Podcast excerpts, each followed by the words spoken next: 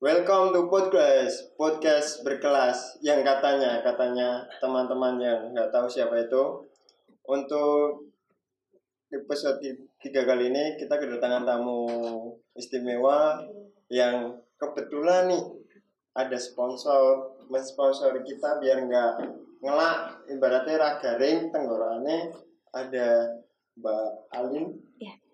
Mbak Alin selamat datang di podcast. Terima kasih. Oh ya, Mbak Alin nama panjangnya siapa?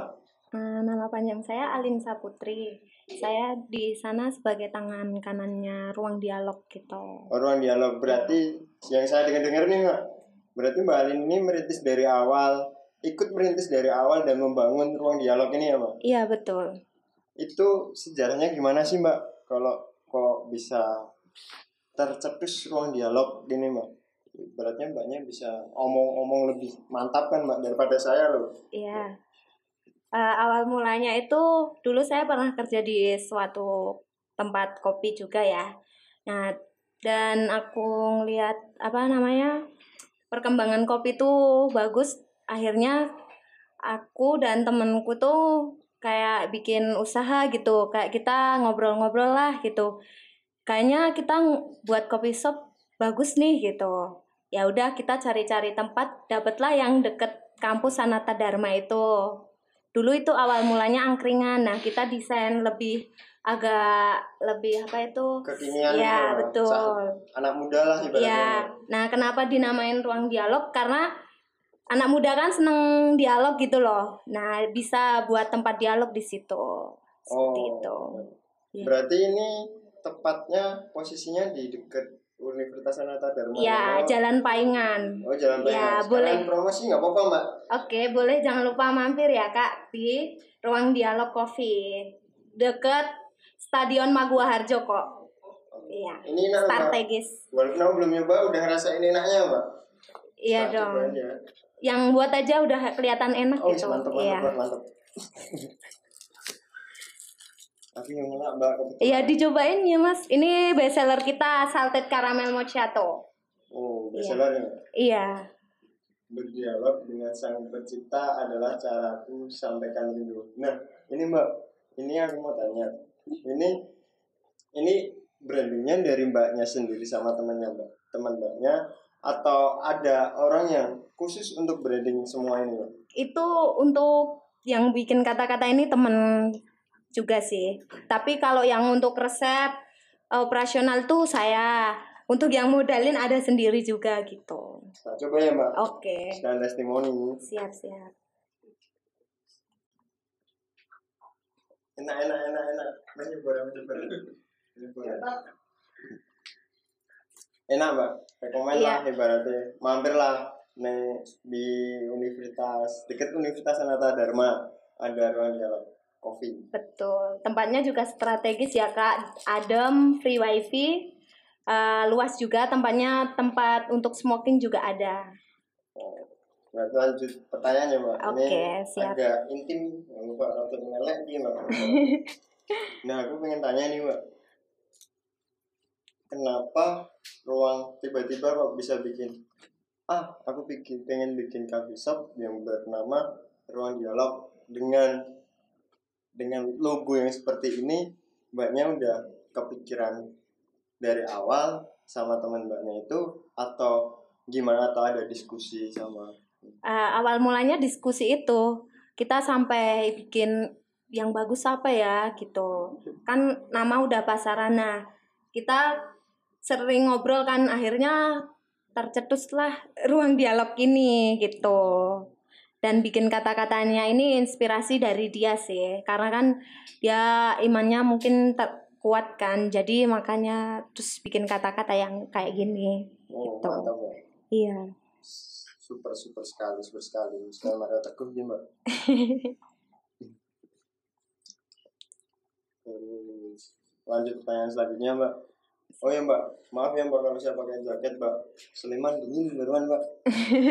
Nggak biasa AC ya Mas? Oh, berarti. oh Iya, ini udah. AC-nya tiga ini mbak AC-nya. Nah untuk pertanyaan. Ini awal mula merintis usaha ini mbak. Merintis usaha di- ruang dialog ini. Ada lika-liku yang lika-liku ibaratnya polisi tidur lah mbak Wih, itu ada atau enggak?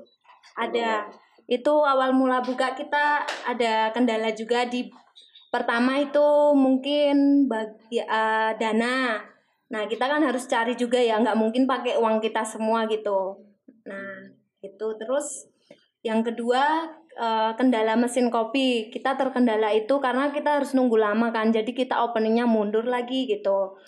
Eh, kayak mungkin penyesuaian kursi dan meja itu juga kita kesulitan di situ. Udah kayak gitu aja sih. Yang ketiga paling ya mungkin karena kondisi corona corona ini ya. Jadinya corona baru ya corona corona Oh, ya. corona. Itu jadi agak sepi sih, tapi nggak ter nggak sepi terus. tetap ada income masuk kan mbak Iya pasti. Iya, alhamdulillah ya Heeh. Berarti untuk untuk target pasarnya nih mbak untuk target pasar mbak Alin di ruang dialog ini target pasarnya target untuk kalangan mahasiswa atau gimana sih mbak Untuk kalangan mahasiswa kan kita deket kampus ya dan kita pun eh, apa kafenya itu agak ke ciwi-ciwi gitu. keciwi-ciwi gimana Iya. mbak nyu BTS BTS Enggak tem ya agak ke cewek-cewek gitu sih tema-temanya gitu. berarti ada tempat space foto juga Ya betul spot fotonya di sana juga banyak kan cewek-cewek banyak yang senang foto ya. Mm-mm. Nah gitu sih. teman saya yang nggak cewek ya suka foto-foto tapi, tapi orang gini mbak Boleh mampir aja kak kalau mau cari spot foto gitu. kalau Mbak Alin sebelum ada ruang dialog nih ruang dialog nah sebelum itu ada Mbak Alin pernah menjadi pengalaman kerja atau gimana sih Mbak? Ya awal mula saya bukan di kopi ya mas. Kamu malah bukan di kopi? Iya dulu emang pengalaman dan dari jurusan juga aku di pastry. Oh, SMK Jogja juga Mbak? Iya Oh, SMK boleh tahu mana Mbak? SMK Muhammadiyah 1 Moyudan. Oh, Nggak itu- tahu ya mas ya. Itu soalnya sangat pelosok. Oh iya Mbak. Tapi ngerti Mas, tak ngerti-ngerti ini Mbak. Kalau main ke Kulon Progo pasti tahu. Gitu. Oh, daerah Kulon Progo. Iya. Nah, saya kan dulu nggak suka kopi ya, karena diajak teman saya sering nongkrong, terus kayak dipaksa gitu loh. Akhirnya kok, eh kopi kok rasanya kayak khas gitu ya. Akhirnya dari situ aku cinta kopi. Nah, ya udah, aku di situ cuman sering nongkrong di kafe di mana-mana gitu kan, yang ada di Jogja sampai keluar pun tetap ke kafe yang ada kopinya gitu. Nah, habis itu eh, saya main ke Bogor, dapatlah lowongan di kayak kopi gitu. Boleh disebutin mereknya? Merek oleh oleh nah. Oh, boleh, boleh. Oke, di Kopi Kenangan. Oh, kopi kenangan. Iya. Oh, keren nih. Di situ, terus belajarlah dari situ. Nah, traininglah di situ, terus malah diangkat jadi SPV di situ karena eh, bisa ngajarin di kopi penerangannya, terapan, terus cara bikin kopi yang benar gitu. SPV di kopi kenangan Mbak. Yang Iya. yang kalau saya tahu ada 10.000 gerai di seluruh Indonesia itu Mbak. Tapi kan kita cuma ngelola Oh, satu satu. outlet kalau per SPV itu gitu. Berarti setelah dari kopi kenangan muncullah ruang dialog ini. Iya, idenya- Kenangan, ya dialog. Iya, betul. ono- Betul banget. Berarti kalau di kopi kenangan kalau boleh tahu berapa udah berapa lama? Satu tahun. Satu tahun. Oh, setahun. Berarti terus dapat inspirasi untuk seperti ruang dialog. Iya, inspirasi buat buka usaha aja kok omsetnya besar ya cuman buka kopi shop kayak gini gitu. Akhirnya buka aja mending.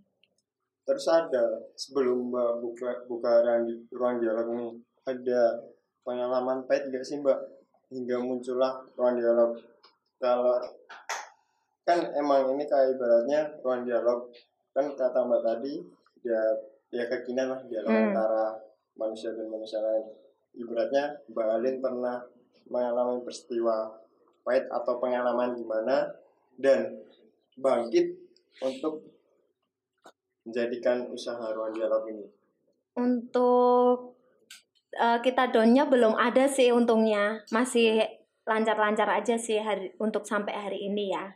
Kan kita baru buka juga ya Mas, bukannya baru Oktober kemarin. Itu. Ini dari saya tanya ke pribadi mbaknya langsung ya. Okay. Pribadi mbaknya langsung, bukan dialog ini kan dari tadi kita udah ngomong tentang ruang kopi ya ruang dialog kan mbak oke okay.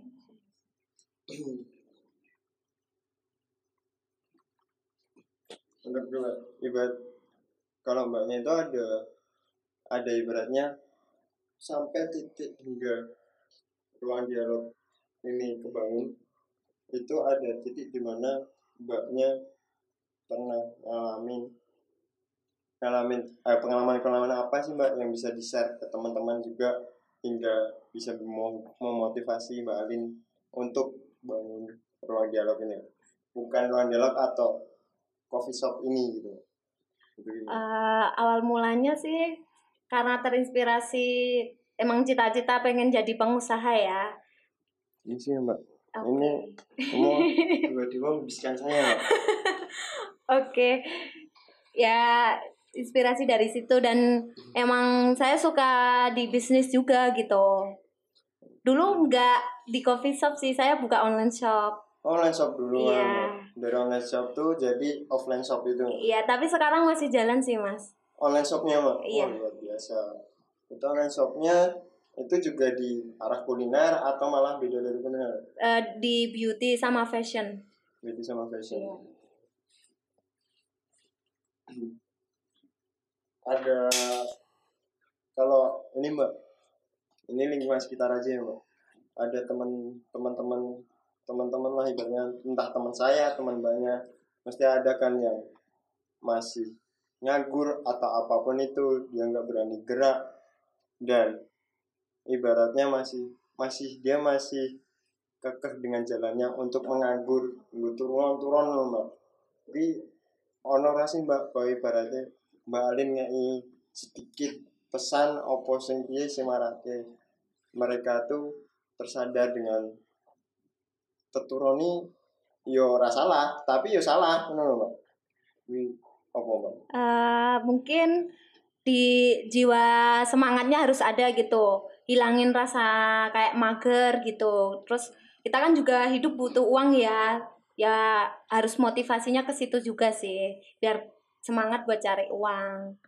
Cuan cuan cuan cuan iya pokoknya bahagiain diri sendiri dulu lah sebelum membahagiakan orang lain. Nah hmm. ini kuas nanti kuasnya bisa tinggal mbak. Bagian diri sendiri. Nah aku masih nyinggung sini mbak. Oke, keluar dari topik kita ya. Yeah. untuk bagian diri sendiri itu apa misal mbaknya tadi bilang kan bagian diri sendiri dulu. Itu misal kita kita punya teman kan hmm. kita makhluk sosial. Nah kita punya teman dan kita ngerasa nggak enakan sama teman. Saake saake tapi awak ya dewi sih butuh perhatian tinggal awak dewi hmm. bukan untuk untuk orang lain nah. Itu gimana pen, pendapat mbak pas orangnya aku rapena nih padahal wongi wongi isi kae. Padahal yo wong iku kudu-kudu perhatian awake dhewe. Ora malah perhatian yang liya kuwi piye mbak? Uh, gimana ya itu? Soalnya saya belum pernah ngalamin juga sih. oh, ya mungkin apa ya kita ngasih ke pengertian juga sih sama teman. Kayak kita ngobrol kan pasti kita ngobrol ya ya tetap boleh sih ngasih perhatian sama teman tapi jangan lupa ke diri kita juga gitu. Dulu, gitu aja diri sih. sendiri dulu ya mbak. Iya itu yang terpenting. Boleh sih bahagiain temen juga tapi kita juga ngasih pengertian biar nggak iri gitu. Kok kamu jadi sombong sih sekarang kayak gitu kan? Oh. Oh ya mbak. Kalau boleh tahu nih mbak ini agak agak ke dalam lagi mbak. Intim intim mana nih mbak.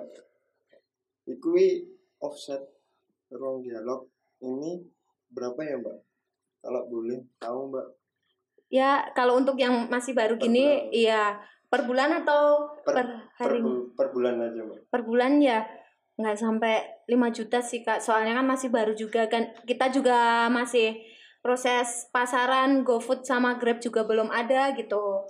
Berarti masih benar-benar Bar real. baru real gitu banget. Nah, gitu sih. Nah itu marketingnya gimana mbak? Cara promosiin ke temen ke teman-teman dulu kah atau langsung umum? Awalnya kita ke keluarga dulu, habis itu kita ke teman dan ngadain promosi di eh, sosial media gitu. Berarti kemarin ada grand opening juga ya mbak? Iya, Berarti emang promosi besar-besaran hingga sebulan dapat 5 juta ya udah udah worth it banget sih mbak. iya udah udah alhamdulillah banget pokoknya. Ya kadang nggak sampai 5 juta ya pernah gitu mas. Gak mesti kan, soalnya kan sepi ya ini. Iya mbak mbak ini sebagai ibaratnya tangan kanan owner ya mbak. Mm-mm. Nah itu mbak Alin kan ngerasain lika-liku gimana gimana pas pas hari misalnya hari Senin baru di atas hari Selasa bawah terus hari Rabu kayak lika-liku gitu loh pendapatannya. Itu menurut Mbak Alin gimana cara menanggulangi seperti itu. Mm, ngadain promo sih biasanya. Kayak hari malah weekend tuh kadang sepi malahan kayak ta- malam minggu gitu. Nah gitu. Kita pasti ngadain promo sih. berarti di situ ada langsung promo di situ ada tempat nongkrong juga ya Iya betul. mungkin ini yang setelah bahasa-bahasa akeh banget nih mbak. Ada mungkin dari teman-teman ada pertanyaan kah? Atau gimana? Bisa bisa. Ini aku kentaan pertanyaan soalnya. Oh no no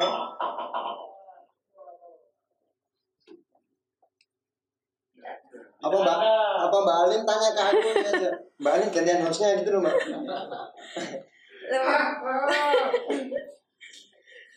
ya masnya kuliah di mana ya? Oh, kampus tercinta, Mbak. Di ma- daerah mana mas? Uh, Amikom. Kampus tercinta itu, Mbak. Semester berapa ya mas? Aduh, semester, Mbak. Aku bingung, Mbak. Aku semester berapa, Mbak? Wes, Mbak, ojo ngalah aku dia. Mungkin gitu, Mbak. Sing terakhir wae sih, Mbak. Pesan tinggu anak-anak muda, Mbak. Sing ibaratnya isi, ya isi mau, Mbak. Ling aku ngomong tadi yang masih masih nganggur dan masih apa ya, masih walau orang tua ada gitu loh, Mbak. Orang tua ada masih ah iso ono wong tua nganggur di wong tua wae. Nah, itu Mbak Alin gimana, Mbak? Kasih pesan lah, Mbak. Sarkas rawo, Mbak. Langsung tes tes tes. Tapi Mbak. saya gak jago motivasi mas. rawo, Mbak. Ngerti ono potesnya. Mbak. Ya untuk anak muda semangatlah buat cari duit juga gitu. Nggak cuman ngandelin ua- uang orang tua apa-apa minta ke orang tua gitu. Aku pun orang tua mampu tapi aku seneng lebih seneng pakai uang sendiri sih. Karena ada kebahagiaan sendiri pakai usaha itu. Keringat sendiri ya, iya. Mantap. aja sih. Mbak Alin ya terima kasih, Mbak. Ini ya sama-sama ilmu buat kita semua mbak. Entah entah yang di sini entah yang menonton nanti yang di YouTube. Dan ini bisa promosi juga dari Mbak Alin untuk kecil-kecilan di ruang dialog ini. Kita bisa tahu ruang dialog tuh lahirnya gimana kita bisa tahu. Terima kasih banyak udah sponsorin podcast hari ini. Mungkin dari kami dari saya terus mungkin ngono sih Mbu iki meh di delok opora yang penting kita udah memberikan ilmu bermanfaat untuk kalian. Bukan ilmu dan ilmu dari yang katanya tapi yang udah pernah ngalami. Gitu aja. Ameh delok subscribe sakarepmu sepenting kita udah melakukan kebaikan. Terima kasih Mbak Alin terima kasih semua. Sampai jumpa. See you. Podcast. Podcast yang berkelas. Yang katanya Ribet aku ya Allah.